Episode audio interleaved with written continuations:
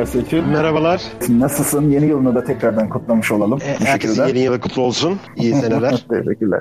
Sağ ol. Teşekkür ediyorum. Nasıl geçti bu? Yeni yıl. İyi geçti. Yoğun geçti. Biraz seyahat bayağı bir yer evet. dolaştık. Tam da tamamlanmadı ama devam ediyoruz. Bu arada bir fırsatını buldum. Sessiz sakin bir yer buldum. Bugün öyle bir konu çıktı ortaya tam olarak evet. bir hazırlanmadık. Biraz afaki konuşacağız. Nereden başlayalım? Dilersen ben sana şöyle bir soruyla başlayayım gericilikten bahsediyoruz. İşte mesela ben genelde gericilik hakkında işte son okudum ömrümde gericilik hakkında son okuduğum kitap nedir diye soracak olursan bu Albert Hirschman'ın gericiliğin retoriğiyle hakkında hı hı. ifadelerinden bahsedebilirim burada. Tabii bir gericilik söz konusu fakat bir de buna sol gericilik ifadesini kullanıyoruz. Bunu Richard Dawkins'ler vesaireler kullanıyor. Bu aslında bir yakın tarihte yaşanan olaylardan bağlantılı. Gericiliği dilersen öncelikle senin bilgi hafızalandan bir tanımlama yapalım dilersen. Şimdi aslında gericilik değil de ben ilericilik, progresif düşünce oradan başlasak belki bu gericilik nereye geliyor onu daha iyi Lütfen. tarif edebiliriz. Lütfen. Birazdan biraz daha detaylı gireceğim bir bakış açısı var. Özellikle 18. yüzyılda başlayıp Hume Smith onlarla başlayıp daha sonra 19 ve 20. yüzyılların başlarına kadar süren bir felsefi tartışma var. Gerek sosyal bilimlerin metodolojisiyle ilgili gerekse insan doğasına bakış açısıyla ilgili. Progresivizm yani progresif dediğimiz, ilerici dediğimiz akımlar genel kabul olarak insan doğasının değiştirilebilir olduğunu sadece değiştirilebilir olmakla kalmayıp aslında değiştirilmesi elzem, değiştirilmesi şart olan bir şey olduğu üzerinden yürür ve bu şeyi kendine kaide olarak, temel kaide olarak belirleyerek ilerler ki bütün progresif liberalizm veya progresif left gibi şeylerin temelinde bu var. Buna karşı çıkan herkes gerici oluyor. Meselenin en özet haliyle bu şekilde açıklanabilir herhalde. Belki daha detaylı gireriz. Ne kadar detaylı gireceğiz bilmiyorum. Hı. Ama bir de son dönemde bu left regresivizm şeklinde çıkan pejoratif bir tanım var daha doğrusu. Kimse çıkıp ben left regresif yani sol gericiyim demiyor. Bu daha çok işte Dawkins var, işte Sam Harris var. Sam Harris. Daha işte sağ kanatta Dave Rubin gibi son dönemde fikir alanında veya pop fikir alanında öne çıkmış isimler. Bunu hı hı. solcuların liberalizm veya liberal standartlara, liberal ögelere ters yani insan özgürlüğünü hiçe sayan, politikaları destekleyen sol akımlara genel olarak pejoratif olarak böyle yaklaşıyorlar ki bunun gerisinde biraz işte bu İslamizme bakış var onların gözünde ama ben zannetmiyorum şimdi burada dinleyenlerin çok ilgisini çekecek o İslamizme bakış açısı. Biraz daha Türkiye üzerinde veya biraz daha genel çerçevede ilericilik, gericilik bunun felsefi dinamiklerini konuşmak daha şey olur ama hemen baştan kimseyi sıkmadan ben burada bu özetle keseyim. Belki Özgür daha ilginç şeyler söyleyebilir. Bir de bir parantez açayım. Geçen sefer konuşmuştuk bu sokak hayvanları meselesinde. Ben de demiştim Türkiye'de durum nedir bilmiyorum diye. O günden bu yana Türkiye'deki durumu biraz izleme şansım oldu. Seyahatteydik dedik. Bunun bir kısmı Türkiye'yi de için aldı. Durumun ciddiyetini biraz daha yakından kavradım. Şey var zannedersem sokak hayvanlarını arttırma üzerine bir toplumsal bir kabul ve herkes harıl harıl bu sokak hayvanlarını nasıl daha arttırabiliriz? Bu kimsesiz hayvanları sağda solda herhalde entertainment değeri var ki toplum bir şekilde buna kucak açmış ve ciddi bir şekilde destekliyor. Herhalde geçen seferki söylediklerim biraz bayağı bir havada kalmış. Onu da burada ekleyeyim. Konuyu fazla dağıtmadan ben Özgür'e evet, bakayım. Tabii tabii. Özgür şimdi şunu soracağım. Bu özellikle 80'lerin ortasından itibaren aslında ters açıda bir kronoloji sundu ama özellikle argümanın emir kipleriyle biçimlenmesiyle başlayan başlayan bir süreç karşımıza çıkıyor. Ve bu sürecin içerisinde bir başka gerici retorik diye sol gericilik ifadesi karşımıza çıkıyor.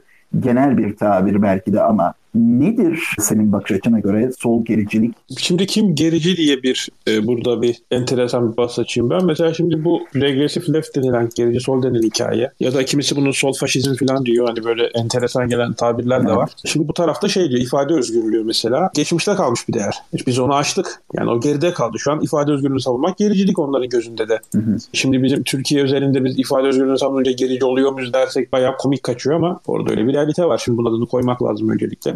Sonra şöyle devam etmek istiyorum ben. Bu aslında metodolojik bir mesele. Burke'den, Burke'cu muhafazakarlığa falan dönersek, yani şöyle yalandan bir bahsedersek orada yani burada bir sağ sol muhafazakarlık, ilericilik tartışmasına bir şüphecilik üzerinden de yaklaşabiliriz. Yani muhafazakarlık çalışan şeylerin sabit kalınması çünkü yeni gelecek şeylere bir şüpheyle yaklaşmak üzerine kurulu bir şey. Yani bu İngilizlerin bir atasözü vardır. Eğer bir şey çalışıyorsa tahmin etmeye çalışmayın diye. Orada kendisini gösterir ama işte muhafazakarlığın gerici olarak yanlış bir şekilde şekilde adlandırılmasının sebebi de bu aslında bence. Progresivizmde ise bu insanlar işe yarayacağını düşündüğü şeylerin hayata geçmesini istiyorlar. Yani mesela zamandaki bu ırk bilimi de progresif bir şeydi. Çünkü antropologlar çalıştı, biyologlar çalıştı.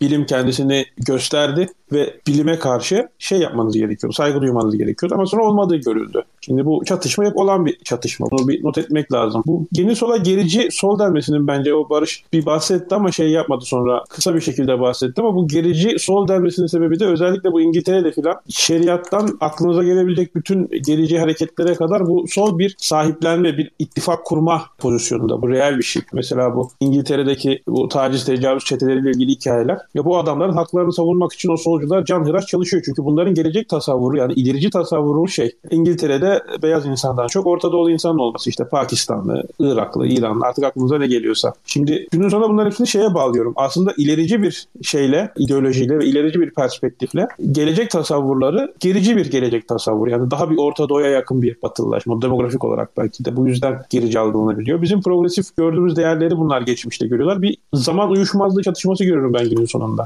Yani gerici sol demek biraz enteresan kalıyor günün sonunda ya da faşist, otoriter sol. Mesela çok saçma bir tabir gibi kalıyor ama bir zaman kayması, bir dengesizlik, e, bu tip gelecek tasavvurlarının farklı olması.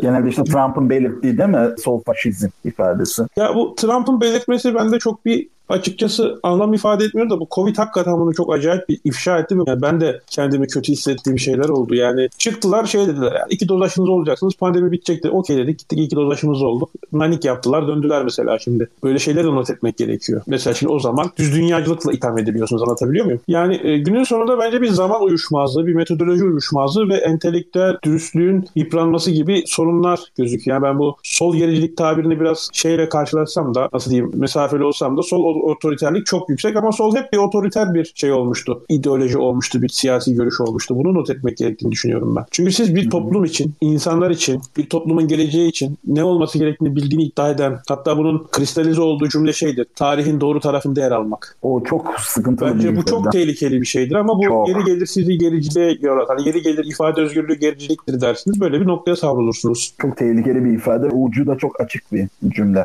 Ya bu şey demek. Biz ne yapıyorsak doğru yapıyoruz. Bize karşı çıkan herkesi imha etme hakkımız var demek. Özetle bu. Çok tehlikeli. Peki az evvel dedin ki tarihsel bir uyuşmazlık söz konusu. Burada biraz şeytanın avukatlığını oynayalım. Şimdi deniliyor ki biz yıllarca ezildik. Biz yıllarca bunun ceremesini çektik. Şu andaki davranış bütünlüğümüz bundan dolayı kaynaklanmakta. Yani geçmişe dair bağlantıyla baktığımızda. Biz yıllarca sıkıntı çektik. Bizi yıllarca hor gördünüz, köle gördünüz. Biz de bundan dolayı bu şekilde davranıyoruz. İşte kamulaştırıyoruz veya işte Oscar ödül töreninde kesinlikle bir zenci olmalı. Hatta artık zenci yetmiyor, eşcinsel olmalı gibi böyle temellendirmeler ve teoriler. Buradan mı aslında bunu mu demek istiyorsun baktığımızda? Bir tarihin kavramsal anlamda çarpışmasını bahsederken. Burada şundan bahsetmek istiyorum aslında. Gelecek ne olmalı? Yani insanlık nereye gidiyor konusunda bir çatışma var. Bu birincisi. İkincisinde mesela bundan bir çok değil 10 sene önce sizin yaşınızda çok yeter bence ya da bir 15 sene önce şey deseydik işte hırsızlık, düzensizlik, şehirlerde suçların yaygınlaşması, emniyetsizlik vesaire bunlar pozitif şeyler olarak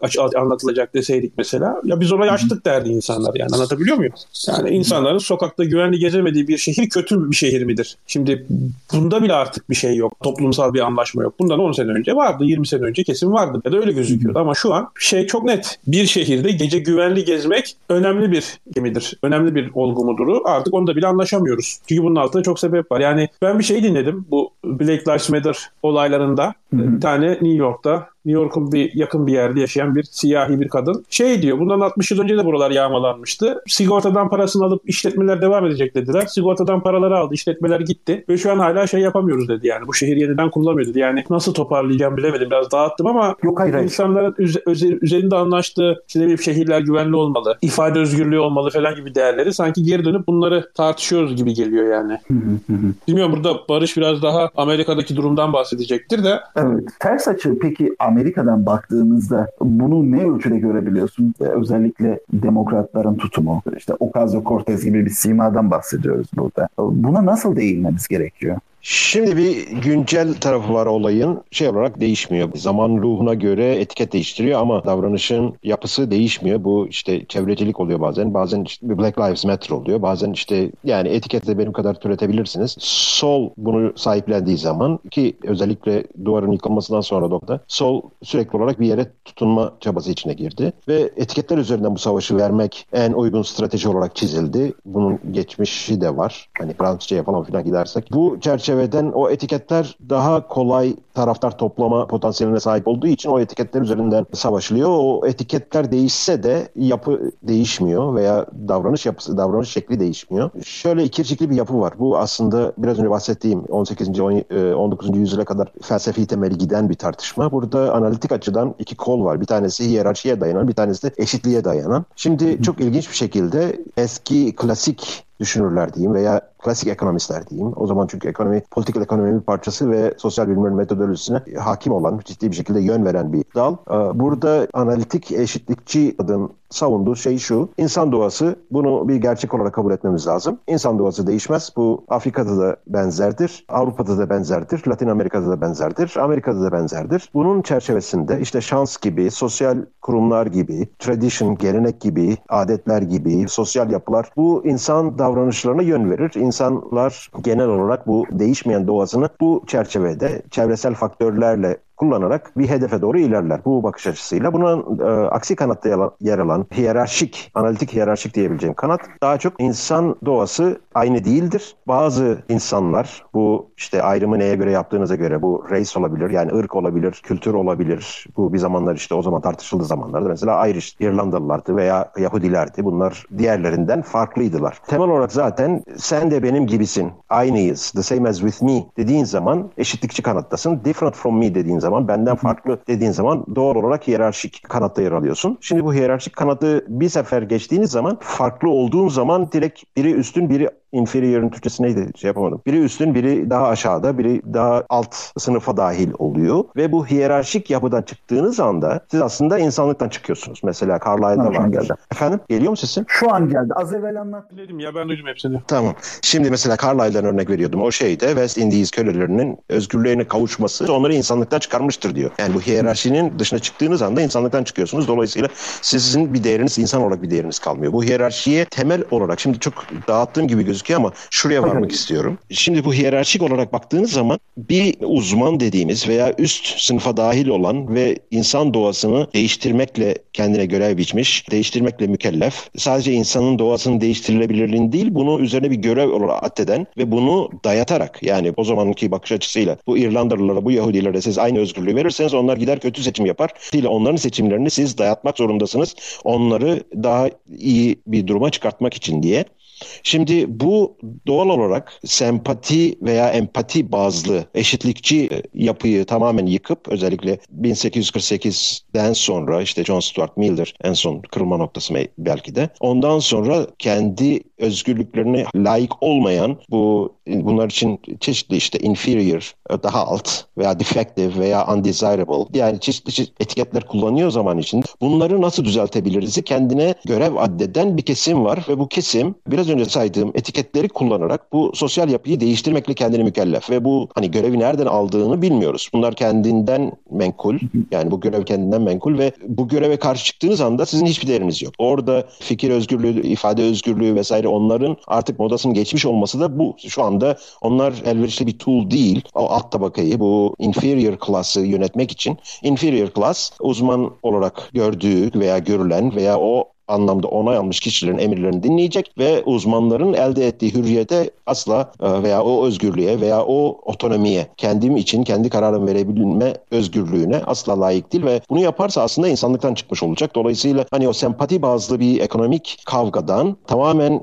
general good diyebileceğimiz veya yani common good diyebileceğimiz bir amaç için tüketilebilecek bir piyona dönüşüyor ve burada mesela kökünde bu daha progresif olarak görünen kişiler mesela James Hunt'lı zannederim yazan e, siyahlardan bahsederken bunların hani şeyde bilirsiniz ayak parmağı İngilizce'de ayak parmaklarıyla el parmakları parmak olarak şey yapılmaz. Bir tanesi toe der, bir tanesi finger'dır veya thumb'dır. Şeyden bahsederken negro diye bahsediyor. O öyle bahsettiği için söylüyorum. Negrolar diyor toe'larını baş parmak gibi kullanabiliyorlar diyor. Yani onların ellerinden bahsederken ayak parmağı ifadesini kullanıyor. Yani bu aslında onların siyahları nasıl gördüğüne dair çok ciddi bir gösterge. Onların ırksal yakasıl baktıklarını anlatması açısından. Bu yöneten sınıf veya üst sınıf diyeyim. Bu sınıfın söylediği yani biz genel için ne olduğunu biz biliriz. Buna aksi yönde buna katılmıyorsan, buna destek vermiyorsan, bunu tasdiklemiyorsan, bunu sosyal medyada, real medyada, bunu çevrende bir bayrak gibi taşıyıp desteklemiyorsan sen bizden değilsin. Sen hiyerarşi dışına çıkıyorsun. Ya hiyerarşi içinde kalacaksın.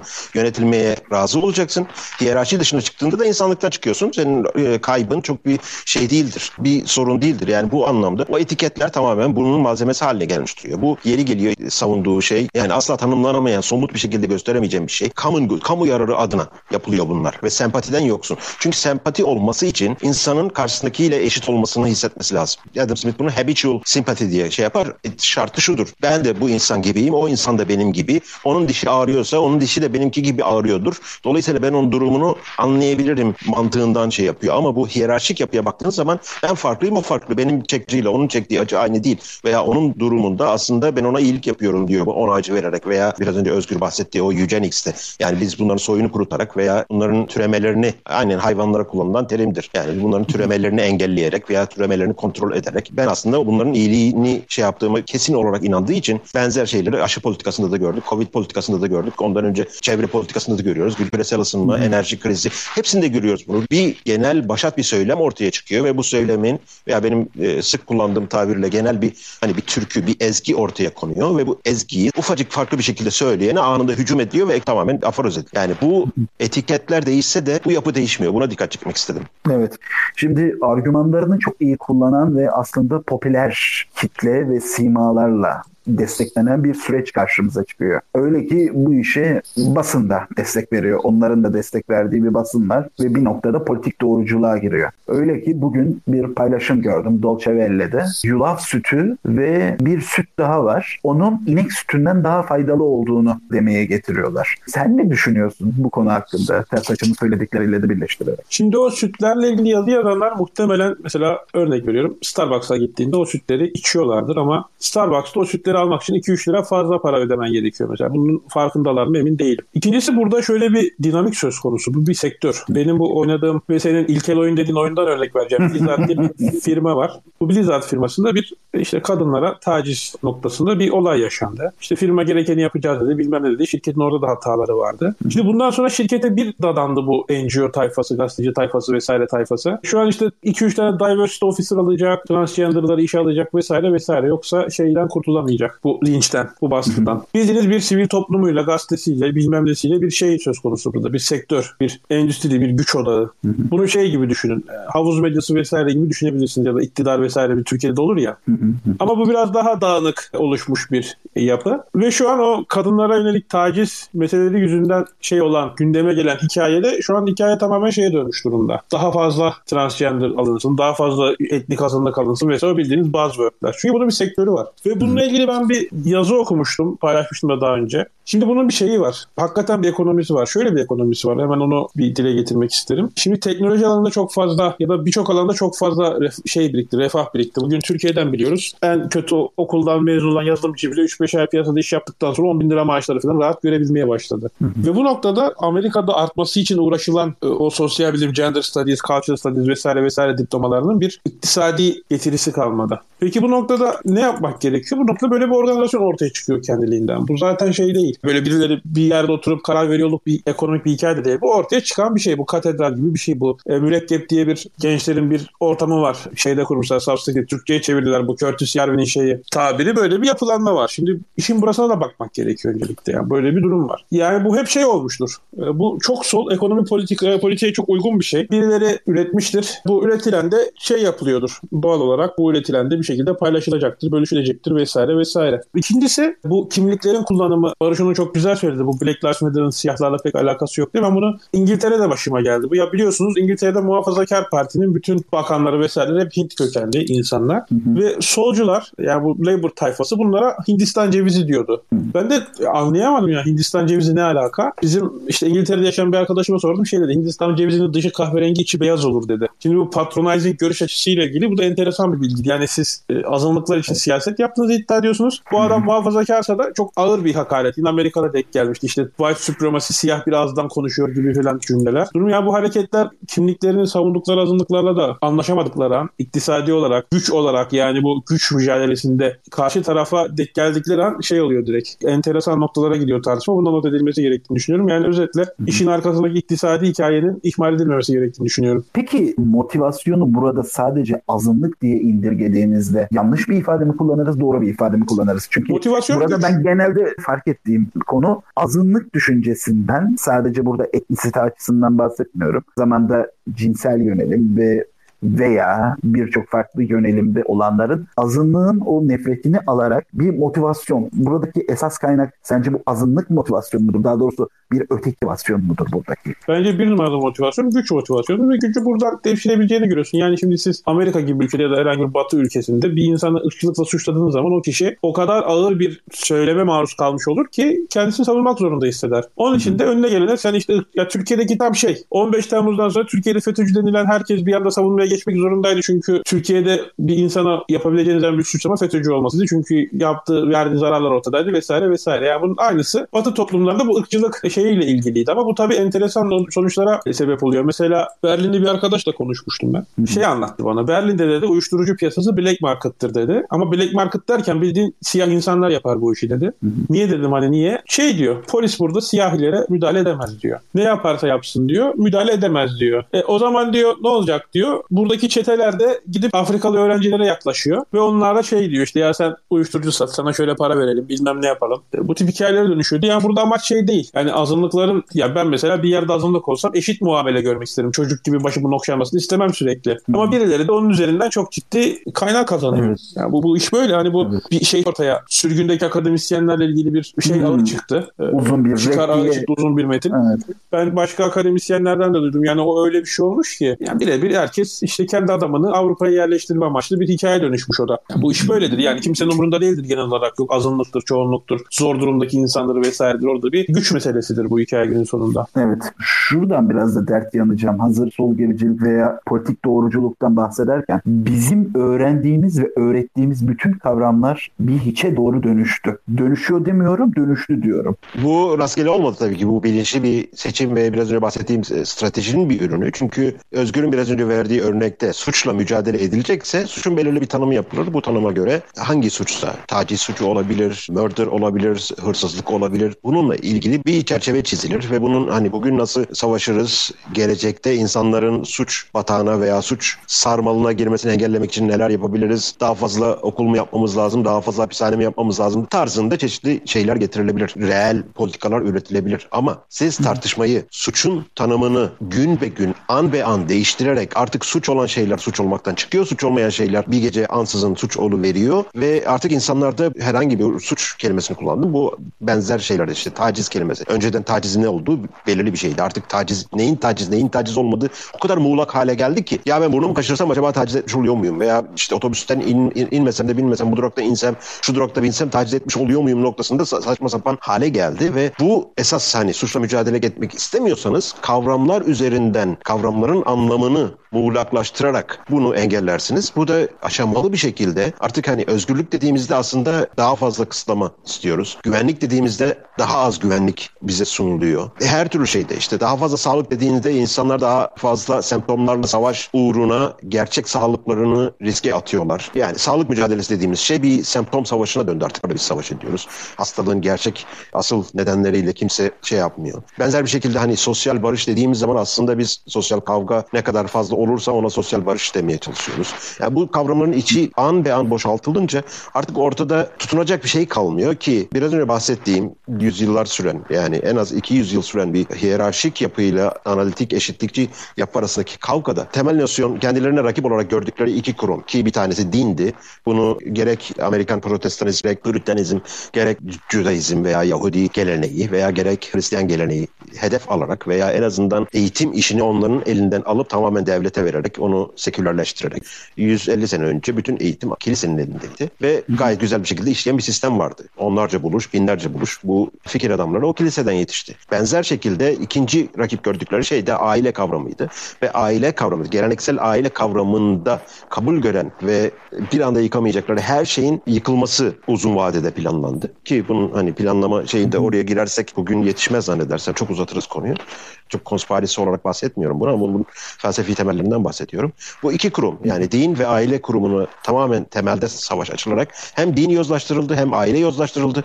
Bu kapsamda da bütün bütün kavramların içi boşaltıldı. Artık bizim eskiden bildiğimiz sekülerizm, özgürlük, insan hakkı, kadın hakkı bütün bunların artık içi boş. Siz aslında kadın hakkı dediğiniz anda yani eski tip geleneksel kadın hakkını savundunuz, gerçek kadın hakkını savunduğunuz anda kadın düşmanı olursunuz. Veya insan hakkı savunduğunuz anda insanların insan düşmanı oluyorsunuz.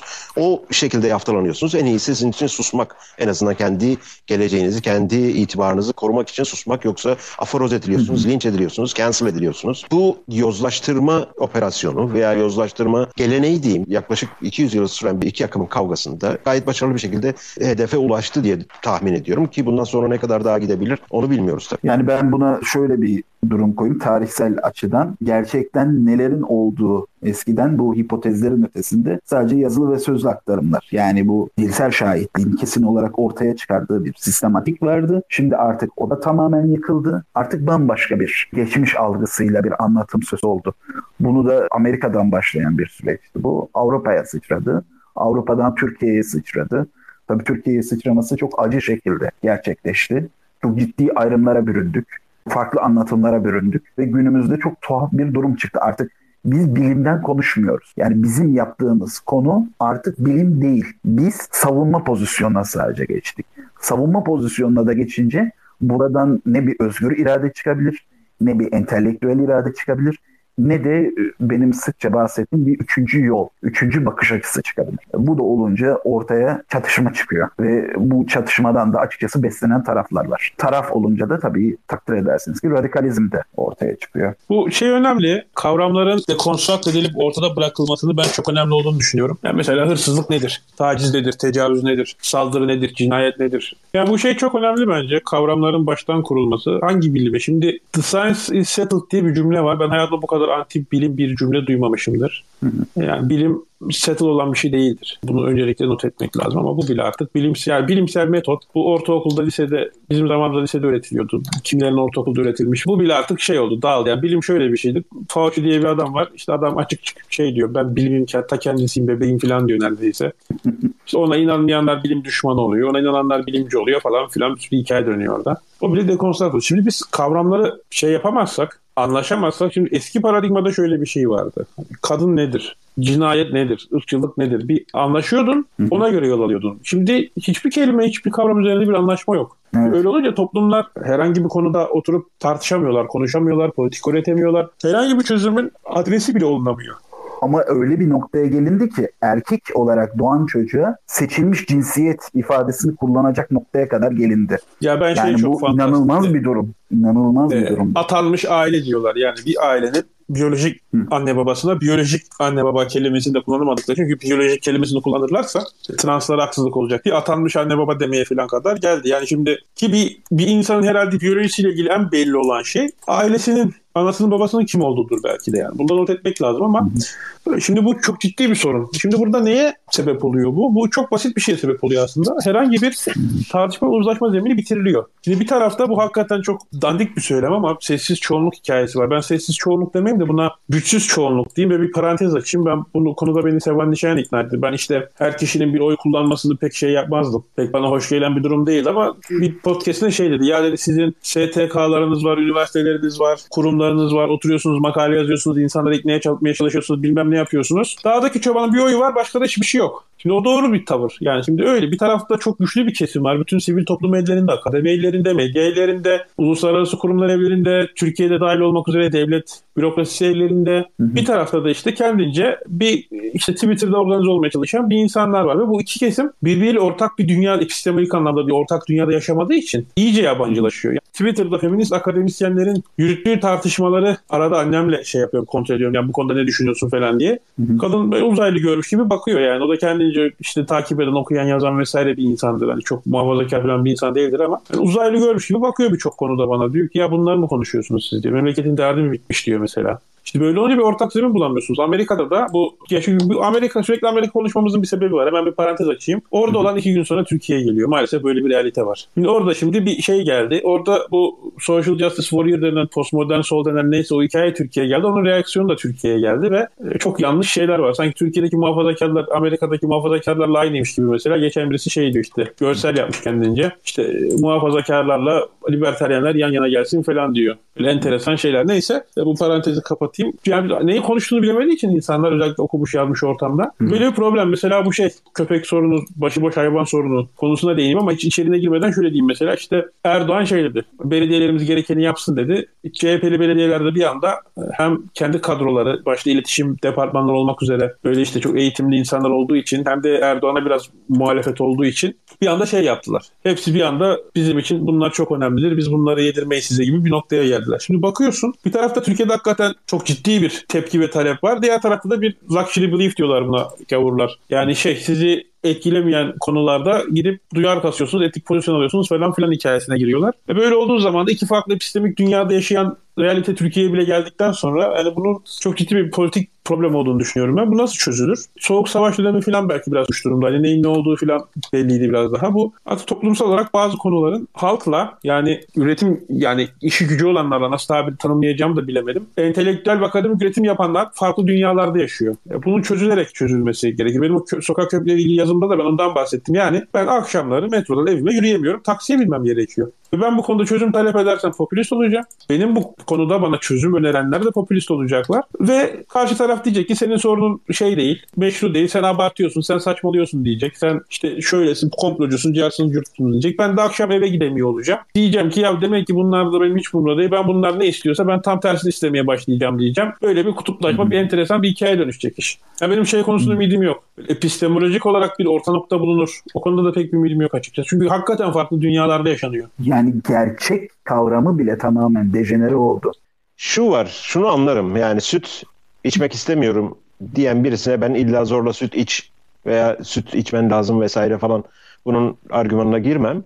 Ama süt içmek istemiyorsan süt içmezsin. Bunun illa yulaftan süt yapmaya kalkmak aslında içmek istediğin bir şeyin peşinden onun asla muadili olmayan şeyleri onun aynısıymış gibi treat etmeni sağlıyor. Yani otoban yapamıyoruz. Hadi neydi? Duble yol muydu Türkiye'deki versiyonu? Evet, yani hadi bu duble yolları otoban kabul edelim gibi bir şey. Yani böyle süt içmek istemiyorsan içme kardeşim. Yulaf suyu de ama süt dediğin memeden çıkar. Et dediğin şey hayvandan kesilir. Et yemek istemiyorsan yeme. Yani ama başka bir şeyi de et olarak önüme sunma. Yani bu başka bir şey. Bu belirli bir şekilde kimyasal laboratuvarda ürettiğim bir şeyi de et olarak adlandırma. Buna başka bir şey söyle. Bu hani kavramların altında bir eziklik var. Şöyle bir şey yani et yemiyorum. Etin yerine bir şey koymam lazım. Buna et demem lazım. Ama et olmuyor işte yani e, etiket değiştiği için bir şeyin esensi, bir şeyin mahiyeti, bir şeyin asıl özelliği, asıl unsuru değişmiyor. Mesela burada gerçek amaç sorun şu deyin ve bunun çözülmesi için en ekonomik, en uygun yol bu deyin. Orada bir tartışma oluşur. O yönde bir politika düzenlenir. Ama asıl şey, asıl mesele üzüm yemek değil, bağcıyı dövmek olduğu için bu tarz şeyleri duyacağız. Biraz önce Özgür'ün söylediği şey yani science is settled meselesine bir parantez açacağım. Bilimde konsensus olur. Olmuştur da olacaktır da. Bunun iki türlü yolu vardır. Bir tanesi üzerinden yıllar, asırlar geçer hatta yüz yıllar geçer ve artık o konuda o kadar fazla kanaat oluşmuştur ki Newtonian fizikte oluşan kanunlar ve veya ne bileyim işte Kepler kanunları, Avogadro sayısı vesaire vesaire. Bunun üzerinden o kadar çeşitli kontrol try trial'lar da dahil o kadar şey geçmiştir artık bundan hiç kimsenin şüphesi kalmamıştır. Ufak detaylar kalmıştır. Hı hı. Çözülecek. Orada genel bir konsensus oluşur. Bunun için yıllar değil yüzyıllar belki geçmesi gerekiyor. Hadi son dönemdeki e, bilimsel eforu da hesaba katarak ama bir üzerinden onlarca ders kitabı yazılması lazım. Herkesin bunu kanıksaması ve konsensus oluşması için. Bu birinci yol. İkinci yol zamandan bağımsız bir şekilde. İkinci yolda buna itiraz edenleri bu şey yoludur. Eski Mısırlılar da kullanırdı bunu. Din adamlarının yoludur. İtiraz eden herkesi şey yap aforoz edersiniz, linç edersiniz. Bilimsel camianın dışına itersiniz bütün bilim adamları konsensüse varmak zorunda kalır. Bu da politik yoldur. Yani iki yoldan ikincisi daha fazla tercih edildiği için bugün artık kimse, hiç kimse güvenmiyor. Bu çok sağlıklı dediğin zaman kimsenin çok umurunda değil. Kimse buna gerçekten inanmıyor. Burada en büyük kayıp da aslında bu bilimsel konsensüse olan güvenin zedelenmesi oldu. Yani birinci anlattığım bilimsel konsensüs bile artık şüphe götürmeye başladı. Sırf ikinci yöntemin daha başat olmasından dolayı. Şimdi bu nedenle işte o ineklerin osurmasıymış vesaireymiş şunlarmış bunlarmış insanlar gülüp geçiyor bunlar komedi oluyor ama bunlar sırf tekrarlandığı için de İnsanlar çok fazla duydukları için hele ki yeni nesil artık zaten sadece başlıkların ilk üç kelimesini okuyup karar verdiği iş sık duydukları için de inanmaya başlıyorlar. Bunu 40 defa duyduğunda 41. de inanıyor. Gerçekten burada bir konsensus olduğunu zannediyor. Ama hı hı. sorgulamanın olmadığı bir yerde bir bilimsellikten bir şeyden bahsetmek çok mümkün değil. Biraz dağıttım ben. Başka bir şey söyleyecektim. Biraz önce Özgür'ün bahsettiklerine şey olarak hani bu muhafazakarlık diyoruz. Bunun karşısına işte progresivizm veya ilericilik diyoruz. Sürekli bir şeyleri değiştirme diyoruz. Jenerasyonlar arasında, nesiller arasında şöyle bir cycle var. Bir nesil veya birkaç nesil bir sorunla boğuşuyor, sorunla uğraşıyor. Bu sosyal bir sorun olabilir, fiziksel bir sorun olabilir, ne bileyim iklimsel bir sorun olabilir. Bunun sonucunda trial error yaparak tinkering dediğimiz çeşitli yöntemler, çeşitli çözümler üretmeye çalışıyorlar. Bilim adamından marangozuna herkes bir şeyler geliştirmeye çalışıyor. Ne bileyim işte sobanın borusunu uzatıyorlar, bacayı o yönde yapıyorlar vesaire vesaire. Bir çözüm üretmeye çalışıyorlar. Ve bu çözümlerden bir tanesi diğerlerinden daha iyi çalışıyor veya birkaç tanesi diğerlerinden daha iyi çalışıyor. Bu hani sosyal sorunda bu farklı bir şey oluyor ki dinlerin kaynağında, geleneğin kaynağında hep bu yöntemler vardır. Bu yöntemler bazen bazı sorunlarda o kadar iyi çalışıyor ki birkaç nesil sonra sorun ortadan kalkıyor. Ama gelenek hala devam ediyor. Ve bu çözümler gelenek haline aldığı için uygulanmaya devam ediyor. Şimdi bu progresivizm dediğimiz hani insan yapısını değiştirecek, sosyal şeyle insanın yapısını başka bambaşka bir şeye dönüştürecek. Hani bir üstün ırk var, bütün herkesi o üstün ırka benzetmeye çalışacak. O bahsettiğimiz bu insan doğasını değiştirme azmindeki bu ilerici bakış açısı yeni nesilden gelen insanların, gelen yöneticilerin veya gelen elit kesimin eline geçtiği anda veya onlar güç sahibi olduğu anda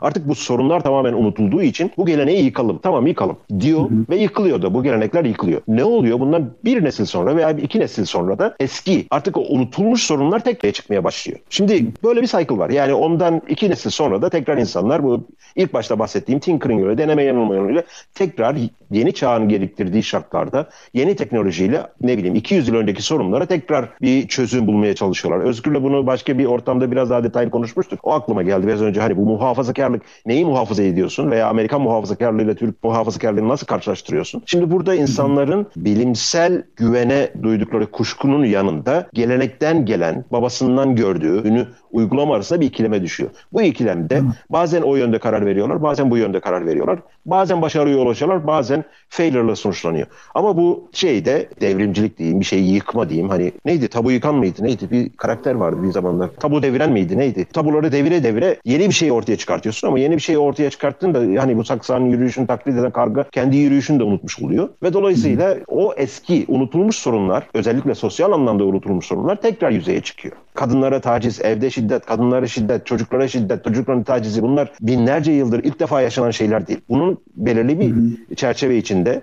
bazı anlarda, bazı sosyal katmanlarda sosyal kurumların buna getirdiği çözüm var. Bu çözümler gelenekleşiyor. Bu çözümler unutulduktan sonra biz yeni baştan aynı soruna tekrar dönüyoruz. Muhafazakarlık ve ilericilik arasındaki o dengeyi biz tamamen şaşırmış durumdayız. Çünkü kavramların artık içi boşaldı. Konservatif neyi konserve ettiğini bilmiyor. Yani konservatif en solcudan daha fazla solculuk yapıyor. En solcu da en sağcıdan daha fazla faşistlik yapıyor. Fakat bir de şuna baktığımızda, gerçeğin tarihçiliğine baktığımızda, sosyal veya politik anlamda baktığımızda neyin doğru neyin yanlış olduğu veya aşağı mı yukarı mı şeklinde konumlandırıldığında galiplerin veya mağlupların arasında bulunduğu da genelde konuşuluyor. İşte Tacitus'tan tutalım Augustinus'a veya Machiavelli'ye hatta Marx'a bile yaşadıkları çağın olaylarını ve analizlerini tasvir ederken Şimdi, mağluplar arasında bulunuyorlardı. Yani günümüzde yaşadığımız çözümsüzlük çok daha derinde.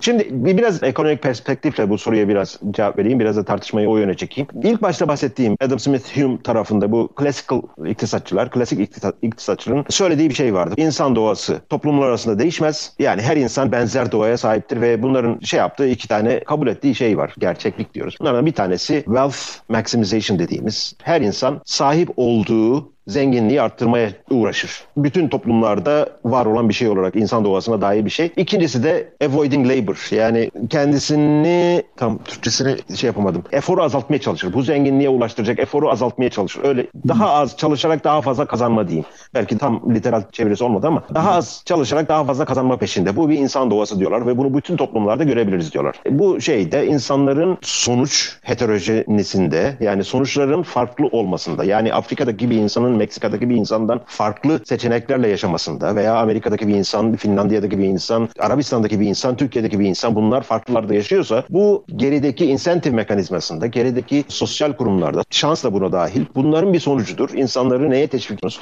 İnsanlar nasıl davrandığında nasıl bir şey alıyorlar, motivasyon alıyorlar. Bütün bunlara bağlı olarak değişir. Ama temel insan doğası aynıdır diyor ve bunu matematiksel modellerle optimize etmeye çalışıyorlar ki ekonomi e, biliminin geldiği yer. Buna karşılık işte Raskin diyeceğim. Raskin'in geliştirdiği geliştirdiği şey var. Chemical View var. Bu Chemical View ise tamamen bu matematiksel modelin aslında doğru olmadı. Çünkü matematik gerçeklikle bağını koparmayan bir metoddur. Kimyasalda ise sürekli bir transformation vardır. Yani sürekli şunu şunu birleştirirseniz ki simyacılık çoğu bilimin atasının yani gerisinde o vardır. Yani bir şeyleri karıştırarak altın etme umudu. işte bir transform meselesi. Raskin'in söylediği şey var. Biz her şeyi transform ediyoruz. İnsanı niye transform etmiyor? Yani biz alıyoruz işte pamuktan ne bileyim işte tekstil yapıyoruz, tekstilden kıyafet yapıyoruz. İnsanı da bu şekilde alıp transform edebiliriz. Dediğiniz anda bir hiyerarşik yapı ortaya çıkıyor. Burada transform edilecekler var. Bir de transform edecekler var. Bu edecek kısım artık bugün tamamen iktidarın tesis etmiş durumda. Ülke ayrımı gözetmiyorum. Sosyal anlamda, global anlamda iki katmanlı bir toplum ortaya çıkıyor. Bir transform edecekler bir de edilecekler. Şimdi bu edecekler neye karar verdiyse transform edileceklerin kendi inisiyatiflerini kullanarak, özgür iradelerini kullanarak bir şey yapma ihtimali ortadan kalkıyor. Çünkü bunlar sadece kendilerine dayatılan doğruları kabul etmek ve o doğruların izinde bunu bir ibadet aşkıyla yerine getirerek yani maske takılacaksa evet maske takacaksın. O bize verilen emir. Ve fotoğraf çekiyorlar böyle de rezillik. Yani bu manyaklık bu. Burada hani transform edilecek olarak görülen kişilerin özgür irade hakkı yok. Özgür irade yasaklı kelime yani özgür irade ne demek? Ki burada sempati kavramını da ortadan kaldırıyorsunuz. İnsanlar sadece genel kamu yararını sağlamak için bir piyon, bir araçtır. Ve bu araç şeyinde hatta Water Babies miydi? Charles Bennett'in şeyinde evde çalışan bir hizmetçi kendine sunulan statüyü kabul etmeyip kendi özgür iradesiyle şey yapmaya başladığı zaman insanlıktan çıkar. Bunun şey hikayesini anlatır. 1860 küsurlarda yazılmış bir çocuk romanı vesaire. Yani bu artık genel olarak kalıplaşmış durumda. Eğer o çizgiyi takip etmiyorsanız yani transform edilen kısımda eğer itiraz ediyorsanız ben kendi tercihlerimi kendim yapabilirim. Siz insan değilsiniz. Siz e, öğütülmeye hatta öğütülmesi ehven olan bir türsünüz artık. Yani sizin başta da söylediğim gibi siz baş parmağınızı kullanarak ondan toe diye bahseder. Ayak parmağı olarak bahseder. Çünkü siz dört ayaklı insan dışılık haline geliyorsunuz. Sınıfınızı reddettiğiniz anda. Esas problem bu hani güdenler ve güdülenler arasındaki bu çizgi tamamen kalınlaştı ve oradaki bu global iki katmanlı toplum yapısında artık mesafeler de çok kısaldı. Yani Amerika'da olan bir şey iki gün sonra Türkiye'ye geliyor ve Türkiye'de şu anda tam hatırlamıyorum ama şeyi de fark etmiştim. Bu e, he she meselesinde kavgayı az çok biliyorum. Amerika'da İngilizce meselesinde e, hani burada bir dişil, bir maskülen, bir feminen şeyler var, e, zamirler var. Burada bir kavga çıkması anlıyorum ama Türkçe maskülen ve feminen zamirlerin olmadığı bir dil. Oradan kopyalayıp Türkiye'de de bir zamir olayı vardı bir zamanlar. Şu anda hala var mı? Hatta e, görmüştüm bir ara bir şeyleri. Siz daha iyi biliyorsunuz onun şeyini, onun tartışmasını. Ben birkaç bir şey eklemek istiyorum. Öncelikle bu çevre meselesinde Ekonomist dergisi takip ediyorum ben uzun zamandır. Son zamanlarda artık takip edemiyorum pek ama yani son zamanlarda Ekonomist dergisindeki bütün reklamlar abartısız bütün aklınıza gelebilecek petrol şirketlerinin reklamı biz nasıl karbon salınımını azaltıyoruz. Google reklam vermiş Google Maps kullanırsanız karbon salınımı azalır. Başka bir şirket reklamı alakası yani saat firması işte Oris diye bir saat firması var. Biz çöpleri, çöp, plastik çöpleri topladık saatleri malzeme yaptık. Yani her şey bütün corporation'lar, bütün çok dev şirketlerin böyle bir gündemi olmuş. bugün iklim değişikliği mücadelesi denilen bilmem ne onun e, hikayesi aslında şey sermayesinden devletlerine işte bütün gelişmiş ülkelerine bilmem nesine bütün Türkiye'de dahil olmak üzere bunu benimsediği ve işte yürürlüğe koyduğu bir hikaye. Büyük oranda işte bunun Almanya'sı vesairesi için bu bir iktisadi politika, çevre politikasından ziyade. Türkiye gibi ülkeler cool olduğu için batıl olmadığını yapıyor vesaire böyle bir hikaye. Ama şimdi Don't Look Up diye bir film çıktı. Ben izlemedim. İzlemem de çünkü şey Diriliş Ertuğrul'u da izlemedim ben. Teşkilatı da izlemedim. TRT'nin işte Türkiye evet. Devleti'nin hassasiyetlerini gözeterek ürettiği içerikle Netflix'in ürettiği içeriğin arasında çok bir fark yok. Şimdi cahiller var, zır cahiller var. E, bu zır cahillerle biz farklıyız. Biz bilimi dinliyoruz. İşte doğru olanı yapıyoruz. Çok iyiyiz. Cahiller gibi değiliz. O duyguyu okşayarak oradan Netflix işte bir rating sağlıyor. Bilmem ne sağlıyor. Bu e, Neil deGrasse Tyson neydi o adamın ismi? O adamın tam adını çıkaramadım şimdi kusura bakmayın. Ya adam şey yazmış işte Santa Claus gerçek olsaydı Hı. atmosferden girerken yanardı. O kadar hızla gireceği. Hakikaten yani bu Noel kutlayanların o ağacın altına oyuncak koyan ne bileyim pakette hediye koyan insanların falan hakikaten böyle şeylere inandığını falan mı düşünüyor bunlar ya da şey diyor işte ya bu salaklar Noel kutluyor bunlar geri zekalı Noel babanın üstüne inanıyorlar. Ya bu kültürel bir iyilik işte millet hediyeleşiyor bilmem ne yapıyor kutluyor mutluyor bu işte şey onu cahil gösteriyor sen cahilsin bakın biz onlar gibi değiliz alıyor 1000 2000 retweet vesaire bunda bir ekonomisi var. Gerçekçi olmak lazım yani ya bu bu ekonomiler var şey demek değil.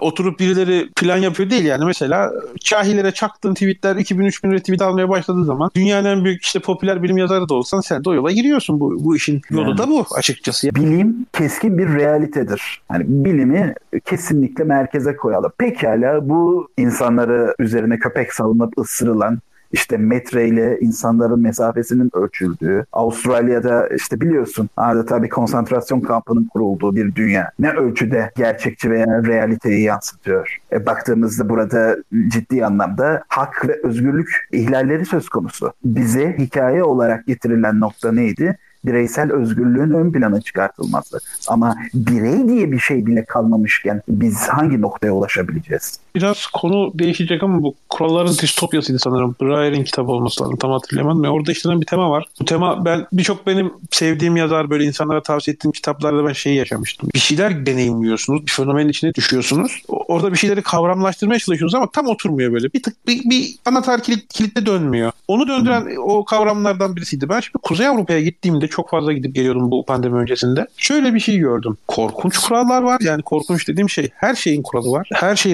regülasyonlu, her şey belli. Her şey adım adım çizilmiş ve herkes bunlara uyuyor. Bu kuralların mantıklı olup olmamasında hiçbir anlamda uyuyorlar. Ve e, ikili diyaloglarında şunu fark ettim. Bu insanlar bu kurallar olmazsa ne yapacaklarını da pek bilmiyorlar. Yani mesela Türkiye'de kervan yolda düzülür. Diyorum. Bir cenaze olduğu zaman kenardan bir işte bir enişte dayı bir şey çıkar, amca çıkar neyse. O bir gider belediyedeki evrak işlerini halleder. İşte teyzeler, halalar bir araya gelir. Hemen bir mutfak kurulur. Hemen bir düzen kurulur. Bir iki ev süpürülür yalandan. Komşudan tabak gelir. Başka bir komşu sandalye getirir falan. Ya bir bakarsın cenaze evindekilerin haberi olmaz. Bütün telaşı hallolur o arada. Şimdi bunu oralarda şirketler yapıyor. İnsanlar yapamıyor. Yapmıyor, yapamıyor ya da hangisiyse artık çok önemli değil.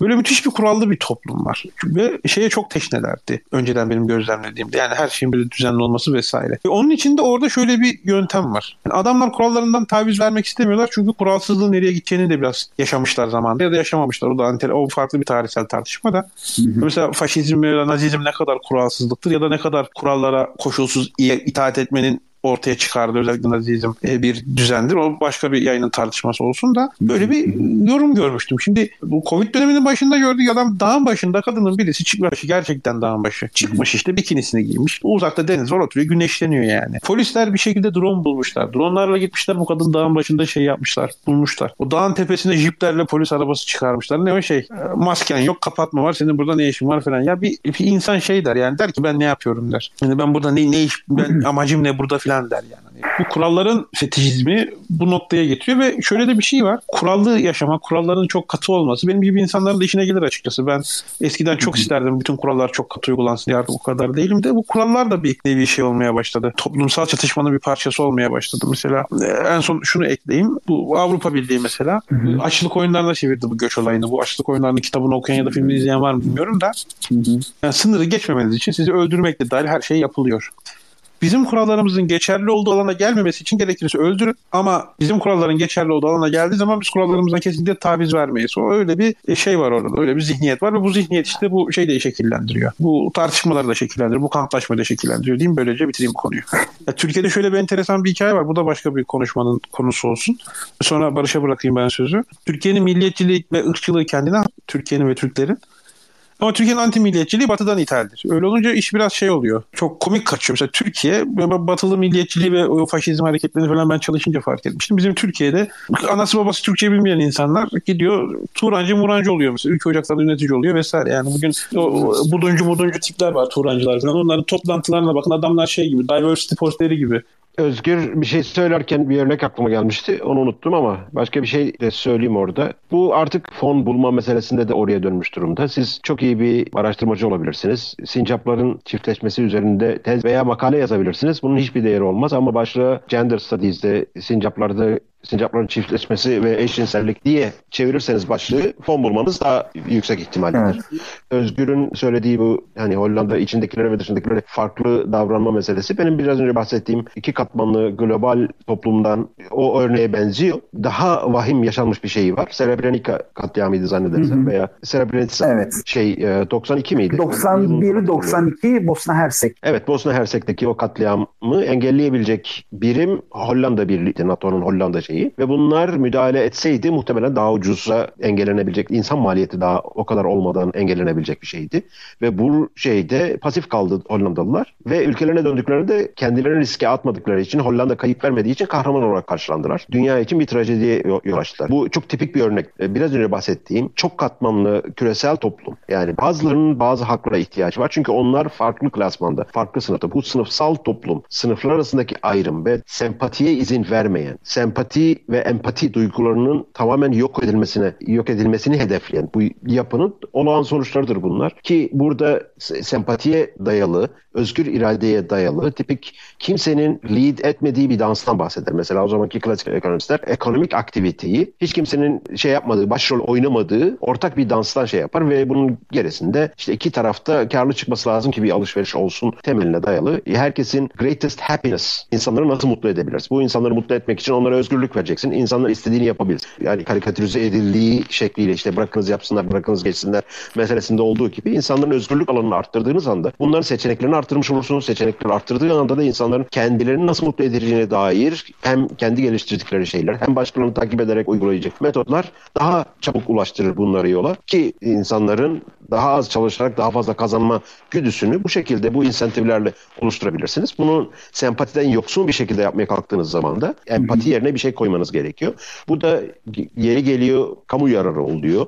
Mesela Commons vardır meşhur progresif ekonomistlerden. Bu quality of the nation'dır. Yani milletin kalitesi mi diyeceğiz? Quality of the nation, Irish ve Yahudi defective, inferior alt kademeden veya alt sınıftan veya e, defektif tam Türkçe karşılığını bulamadım. E, defolu nesil üretecek immigrantlar geldiği için bu immigrant, bu immigrantlar da İtalyan oluyor, Yahudi oluyor ve Irish oluyor. Yani ki mesela başka bir örnek daha vereyim. Çok komiktir şimdi biraz konu dağılacak ama komik olduğu için. Lütfen hayır hayır lütfen. Bunların e, Yahudilerin mesela daha deficient veya defective olarak addedilmesinin gerisinde şöyle bir argüman var. Pearson ve Galton'dı zannedersem e, bunlar istatistik argüman kullanarak geliştirdikleri bir argüman. Normal olarak insanların zaman tercihi diye bir şey vardır ve faiz oranıyla da alakalı. İnsanların bir faiz seviyesine göre bugünkü harcamalarını ileriye ötelemeleri.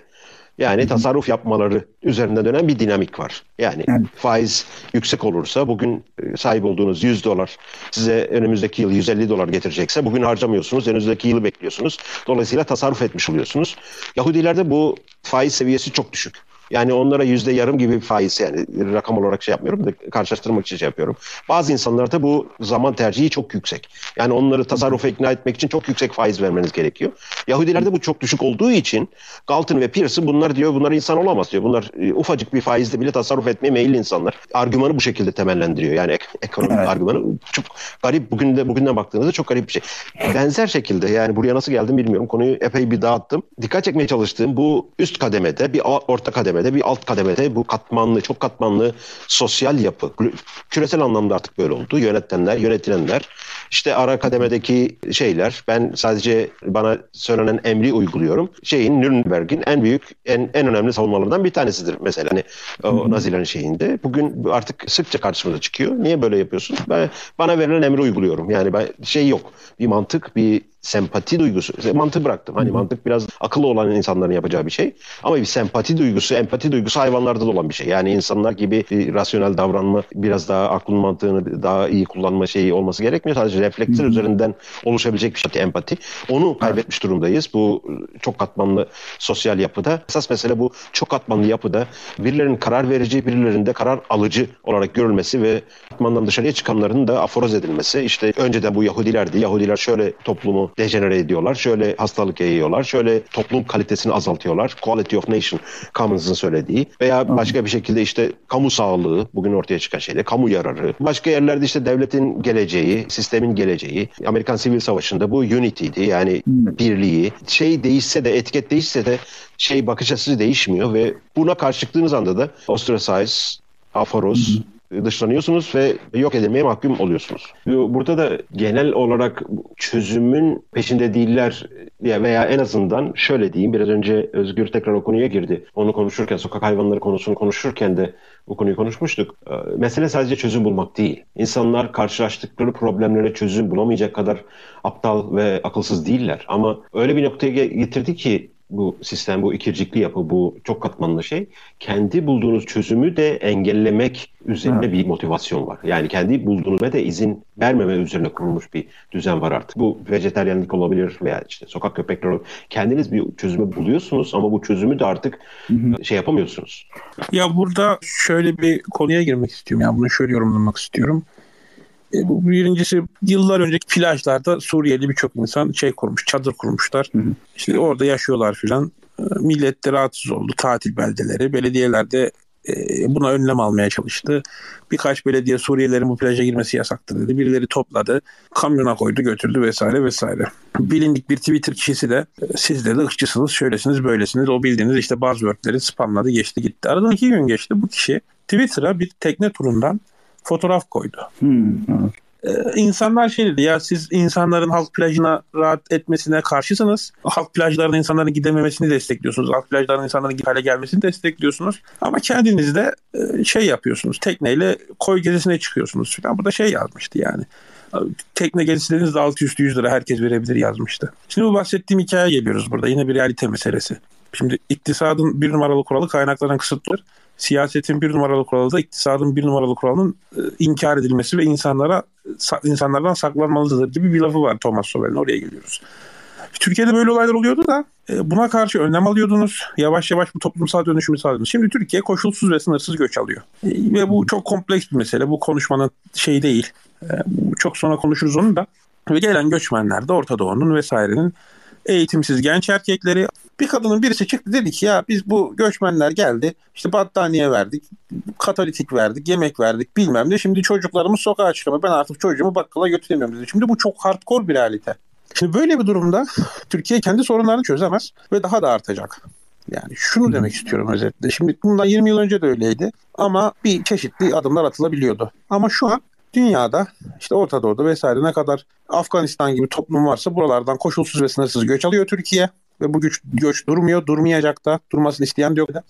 Bunun birçok sebebi var. Ve Türkiye bu insanları yok eğitmeye çalışacak, yok bilmem neye çalışacak. Yani şey ortada bir sorun vardır. Siz bu sorunu çözmeye çalışıyorsunuzdur. Yani bir yangın vardır. Yangına su dökmeye çalışıyorsunuzdur. Birileri de diyor ki ya yangın zaten yanıyordu. Biz bunun üstüne varillerle benzin döksek de hiçbir şey değişmez. Çünkü zaten yangın yanıyordu demeye getiriyorlar lafı. Şimdi orada o, o artık ciddi alınacak bir şey değil. Çünkü o tam bir, bir erdem sinyalleme işi için içinde iktisadi bir hikaye var.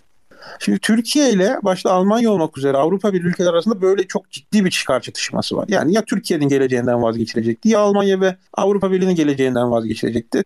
Şimdi böyle bir conflict of interest'in olduğu yerde zaten diğer tarafı özellikle e, başta Almanya olmak üzere Avrupa Birliği ülkeleriyle iktisadi, e, siyasi, ticari ya da e, kariyerist anlamda bir bağlantısı olan insanları ben zaten ciddiye almıyorum. Çünkü bu şeyin ticaret hukukunun da en temel kuralıdır conflict of interest varsa taraflar ortak zeminde buluşmaması gerekir. İşte onun için ben o tepkileri diye almıyorum. Peki bu tepkileri gösterenler satılmış insanlar mı? Ona da katılmıyorum. Onların böyle naif, dünyadan bir haber, üniversite kampüsünden çıkmamış bir realiteleri var sohbetin ta başındaki meseleme geleyim. Bu kadar lafı biraz da bunun için anlattım. Yani bir realite var sahada ve bu yürümeyecek. Evet. 2 artı 2 4. Bu realiteyle muhatap olanlar ve olmayanlar meselesi. Çünkü bu, tartışmalar şey bu yurt dışındaki örneklerde de bu artık bir realite oluşuyor. Bu realite, realiteye sizin argüman üretme şansınız kalmıyor. O zaman da yapabileceğiniz tek hikaye şu oluyor. Politik doğruculuğa varıyorsunuz. Sus. Konuşma. Sen evet. pisliksin, faşistlik yapıyorsun, şunu yapıyorsun, bunu yapıyorsun. Regresif left dediğimiz sol gericilik denilen hikayenin de politik doğruculuğun da döndüğü bir yer var. Sahada sorunlar var. Ee, bu Kemal Kılıçdaroğlu bir ara sürekli göçmen konusunda mahalle vurgusu yapıyordu. Onu daha sonra kesti çünkü CHP'nin parti politikası Kemal Kılıçdaroğlu söylemlerinin %180 derece tersinde. Onu fark etti. Neyse. Ee, sahada sorunlar var. Bu sadece bu göç konusu değil. İktisadi konularda, 2008 krizi sonrası dünyanın girdiği konularda bu böyle işte bu asayiş konularında böyle, kültürel konularda böyle birçok konuda böyle sahada bir realite var. İşte bu realiteyi susturmak için ne yapman gerekiyor? Millete FETÖ'cü diyeceksin. İşte ırkçı diyeceksin. Bilmem X fobik, Y fobik, Z fobik diyeceksin. Dış mihrak diyeceksin. Foncu diyeceksin. Bir şey diyeceksin. Çünkü sahadaki realitenin konuşulmaması gerekiyor. Çünkü sahadaki realiteyi konuşursanız sahadaki realiteye e, çözüm bulunması gerekir ve ideolojik olarak size uygun olmayan çözüm geleceğine çözümsüz kalsın. Zaten faturasını da siz ödemiyorsunuz. Denge böyle kuruluyor. Şimdi zaten şey yine konunun başına döneceğim. Bir tarafta sokakta realite yaşayanlar var. Diğer tarafta da siz sokakta realite yaşadığınızı iddia ediyorsanız dış mihraksınız, popülistsiniz, faşistsiniz, işte komünistsiniz, Moskofsunuz, bilmem nesiniz diye muhabbet çevirenler var. Yani bu post-truth yani önüne geleni post-truth'la suçlayanların kendisi de post-truth. Zaten mesela oradan çıkıyor bir post-truthçu sol vardı ya da post-truthçu neoliberal sol diyelim buna belki de. E buna tepki de yine bir post-truthçu geldi. Yani Trump'ın bence en büyük olayı oydu. Trump'ın seçimi kazanması o yüzden çok önemliydi. Ya siz bize hikaye anlatıyorsunuz. Bu hikayelerin bizim yaşadığımızla hiçbir alakası yok. Biz de size bir hikaye anlatalım. Bizim hikayelerinde sizin hikayenizle hiçbir alakası olmasın diye bir res çekildi orada.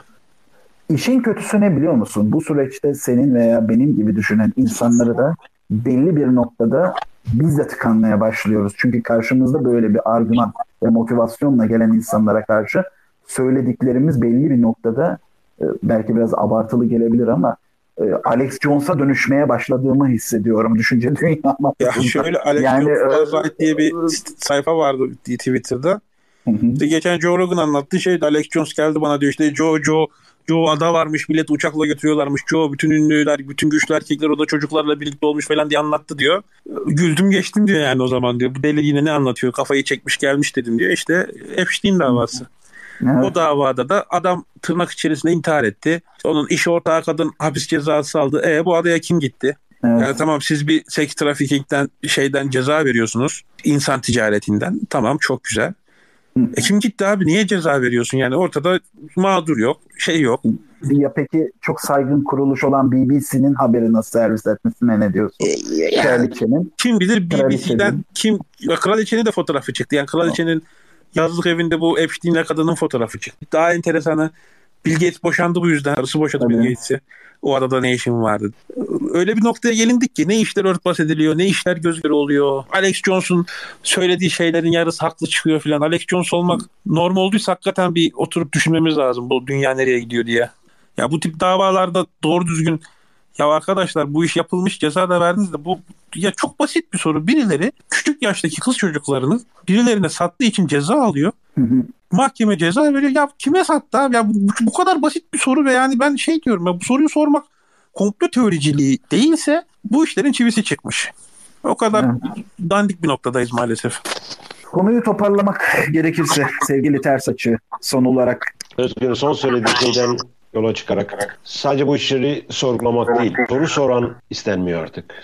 Esas mesele burada. Yani hangi hikaye olursa olsun. Bu Covid hikayesi olabilir, Epstein hikayesi olabilir, küresel ısınma hikayesi olabilir, vergi hikayesi olabilir, enflasyon hikayesi olabilir, faiz hikayesi olabilir. Her iktidar sahibi, küresel anlamda söylüyorum soru soran birey istemiyor artık. Soru ve o transform görevi bitmiş kendine transform edecekler. Bu hiyerarşinin üst katında bulunanlar ve alt kademede kim varsa soru kabul etmiyor, sorgulama kabul etmiyor ve bu insanlıktan çıkmak gibi bir şey, şey oluyor ve artık soru sormak, anarşistlik, soru sormak şeye karşı, otoriteye karşı gelme ve otorite geçenlerde American Political Science Review iki Political Science şeyinde en başarılı dergidir. En üst seviyeli dergilerden bir tanesidir.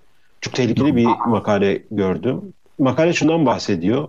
Otoriterizm hep kötü olarak değerlendiriliyor şu nedenlerden dolayı. Ama bugün öyle bir noktaya geldik ki artık bu krizleri çözemiyoruz. Bunda otoriterizm aslında bu krizleri çözmek için biçilmiş kaftan. Yani höt diyenin kafasına vurmamız gerekiyor. Gerekirse bunun insanları öldürmemiz demiyor da oraya geliyor artık. Otoriterizmi bütün e, şeyleriyle, metotlarıyla, tool'larıyla kullanmanın özellikle iklim krizi için, özellikle işte sağlık krizi için, özellikle Covid krizi için artık elzem hale geldiğini bunu savunan bir makale gördüm dehşete düştüm. Yani bunu 1930'da yazdığınız zaman nereye hizmet edeceği bellidir. 2030'da neye hizmet edeceğini henüz bilmiyoruz. O beni dehşete düşürdü açıkçası. Bu anlamda o soru soran insanı istememe, soru soran birey istememe, onun dışında birey istememe, tamamen herkesi güdülecek, anında yulaf sütüne dönecek veya emirle yulaf sütünden soya dönecek 10 sene sonra belki soya yasaklanacak çünkü soya da fotosentez yaptığı için e, karbon salınımında belki bir faktör olarak gelişebilir. Bu sefer hoppala geri döndük işte örümcek böcek yemeği mi? Yoksa e, ne şimdi Alex konuşulduğu için bu teorileri söylüyorum. Yoksa tekrar koyun mu yiyeceğiz yoksa ne bileyim işte mi yiyeceğiz yoksa ot mu yiyeceğiz? O günkü şey ne emrediyorsa onu yiyeceğiz. Sorgulama hakkımız yok. Bu bizim için sağlıklı mı değil mi? Onun onu sorgulama hakkımız yok. Semptomlarla savaşmaya devam edeceğiz ve semptomlarla bu iş güdülecek veya benzer bir şekilde küresel ısınma meselesi. Biraz önce Özgür bir şey söyledi. Ben hani çevre konusunda katılıyorum. Büyük bir çevresel felaket geliyor. Afrika'daki maymunları da tutun. Endonezya'daki habitatı da şu anda mahvediyor. Ve yakın gelecekte daha fazla mahvedecek. Çünkü enerjiyi daha fazla pahalılaştırdığınız zaman birileri bu enerjiye ulaşamayacak. Birileri soğukta kaldığı zaman ilk yapacağı şey insan güdüsüdür. Yapacağı şey bulduğu odunu yakmaktır çok yakın bir zamanda yani yakın bir zamanda dediğim 5-10 sene içinde insanların artık elektrik bulamadığı için, elektrik çok pahalı olduğu için odun yakmaya bu ki bu en primitif enerji ısınma metotlarından bir tanesidir. İnsanlar soğuktan ölecek ya da ormanları mahvedeceğiz. Çok büyük bir fe- çevresel felakete doğru gidiyoruz. Bunu belki daha detaylı bir şekilde konuşuruz. Enerji konusunda konuştuğumuzda biraz değindim buna. Evet. Enerji density şeyinden bir haber, bir politika izleniyor. Özellikle enerji, küresel enerji politikalarında. O açıdan insanların sorgulaması hani biz insanlar sorgulasın diyoruz da bu neye hizmet edecek? Başlarını daha fazla belaya sokacak bugünkü sistemde. Bu sistem nasıl düzelir? Hiç bilmiyorum. Bu sistemde bilir miyiz? Hiç bilmiyorum. Biraz önce bahsettiğim ATSR makalesinin 100 yıl önce yazıldığını düşünün ve 100 yıl önce bu neye hizmet ederdi onu düşünün ve 2030'da neye hizmet edecek onu bilmiyoruz. O beni dehşete düşürdü açıkçası. Evet. Öyle tamamlayayım çok enteresan bir hikayeyle bitireyim. Justin Trudeau şey dedi aşısızlar için ya da aşı olmaya karşı olanlar için e, boşuna yer kaplıyorlar dedi. Şimdi birilerinin toplumda, devlette, ülkede boşuna yer kaplıyorlar tabirini kullanmak hakikaten çok enteresan noktada gidişatın bir göstergesi. İkincisi Brexit zamanı The Guardian'da e, işte Erdoğan yumruğu vurup ülkesindeki sorunları çözmeye çalışıyor. Brexit için de böyle bir insan lazım e, noktasına gelinmişti. Yani şeyi gördük. Bu Emrah Safa Gürkan'ın neredeyse aylar önce benim de kesip Twitter'a koyduğum bir videosu vardı. Ya de Foucault diyordunuz diyor ilk krizde diyor işte biyopolitika diyordunuz bilmem ne diyordunuz ilk krizde diyor bütün hakları bilmem neleri verdiniz çekildiniz kenara diyor. Yani şimdi bu otoriterlik gerekli. Ee, yarın bir gün herhangi bir ciddi sıkıntı demek ki dünyanın en gelişmiş demokrasilerinde bile insanlar al buyur bizi yeri giriyorsa sokakta köpekleri yedir. At döv yeter ki bu işi çöz. Benim o konuda gözümü açan, beynimi açan kişi Barış olmuştu. Yine şey demişti bir gün. Podcast kaydından önce başka bir podcast konusu kaydından önce sohbet ederken şey dedi. Ya dedi sence Soğuk Savaşı kim kazandı dedi. Şey yapma dedi. Çok hızlı cevap verme. Bir düşün bunu dedi. Yani Soğuk Savaş'ın kazananını bilmiyoruz biz hala dedi. Daha sonra onunla ilgili biz bir podcast yapmıştık. Yani o çok enteresan bir şeyi açan bir yani zihnimi açan bir andı. Evet. Yani biz Soğuk Savaş'ın kazananını da bilmiyoruz. Bu Çin'le gidilen savaşta yani bu vaccine passport işte dijital insan takibi bilmem nesi bu İngiltere'de ortaya çıktı. Bir sürü şey pardon Kanada'da 36 milyon insanın bir sürü bir şeyini takip etmişler mesela. Yani Kanada böyle yapacaksa zaten Çin'de neyin soğuk savaşını vereceksin? Yani adı Çin olmaz, Mahmut olur, Ahmet olur, Suudi Arabistan olur, Türkiye olur. Yani bir sistem, bir rejim en azından karşı sistemi kendisine bu kadar çok benzetiyorsa e, şey ne gerek var? Yani kim neyi kazandı kaybetti bilemiyoruz. Yani dünya kötü yerlere gidiyor. Bizim Türkiye'de enflasyon yine üç haneli noktalara gelmeye doğru gidiyor. Yani 2022'de muhtemelen %100'ün üzerinde bir enflasyonumuz olacak. TÜİK'in neden ne açıkladığından bağımsız olarak söylüyorum bunu. Belki e, iş yerinde falan vaktim olursa belki ben de bir eskiden kendi enflasyonumu bir sepet oluşturmuştum. Bayağı bir metodolojik bir çalışma yapmıştım kendimce. Da bunu yapanlar var artık enak falan var. Mesela Türkiye'de enflasyon 3 haneli yerlere gidecek 2022'de ama Amerika'da da 2 haneli yerlere gidecek oralarda görülmemiş bir şey. Almanya'da enerji fiyatları yani benim Almanya'ya bir arkadaşım yerleşti o anlatıyor. Ya diyorum ki emin misin hani e, tamam hani işler iyi değilmiş.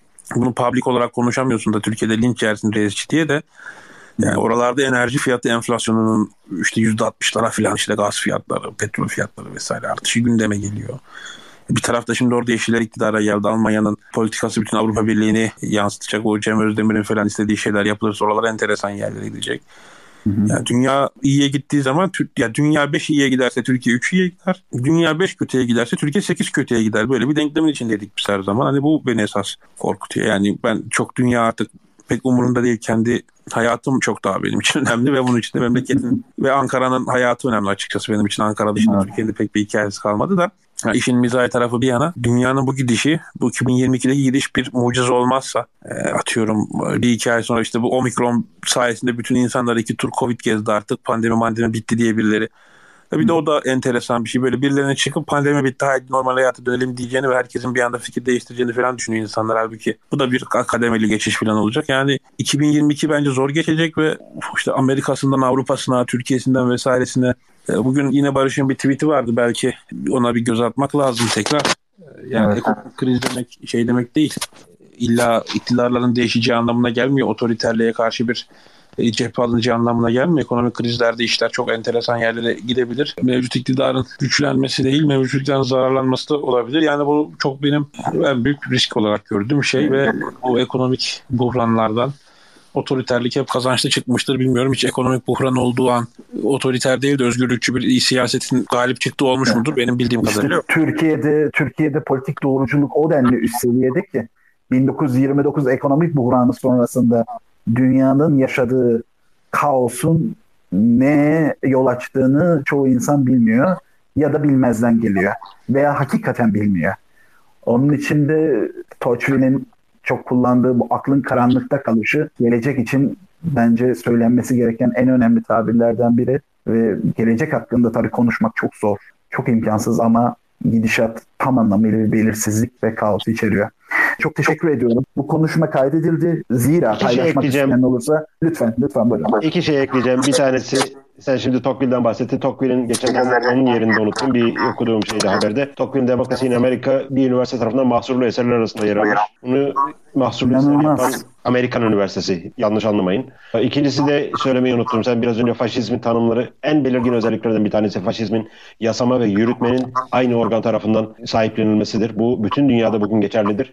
Yasama ve yürütme. Kuralı koyan ve kuralı yürüten bütün organlara gözünüz kapalı faşist diyebilirsiniz. Ee, bunu kimlere uygulayabiliyorsunuz? Yani Amerika'da bugün aynı şeyin içindedir. Küresel şeyde kuralı kendi koyuyor, kendi yürütmesini yapıyor. Ne bileyim işte maske takılacak mesela. Bunun belirli bir şeyi vardır. Tocqueville'in özellikle bahsettiği şeyde veya ne bileyim işte Montesquieu'ya kadar gider. Küvetleri bari ayırabilseydiniz dediğim benim dalga geçtiğim şey. Hani o kuvvetler ayrılığı prensibinde kuralı birisi koyar, onun yürütmesini başka birisi yapar, yargıda bunu denetler şeklinde ezberletilmişti bize. Artık bunun bile göz göre göre hiç sayıldığı bir dönemdeyiz. Bu, istedim sadece. Yok çok teşekkür ediyorum. Her ikinize de aynı zamanda dinleyenlere de bu sohbet kaydedildi. Politik doğruculuk haricinde bir şeyler dinlemek isteyen insanlar varsa sizlerin de paylaşmasını rica ediyorum.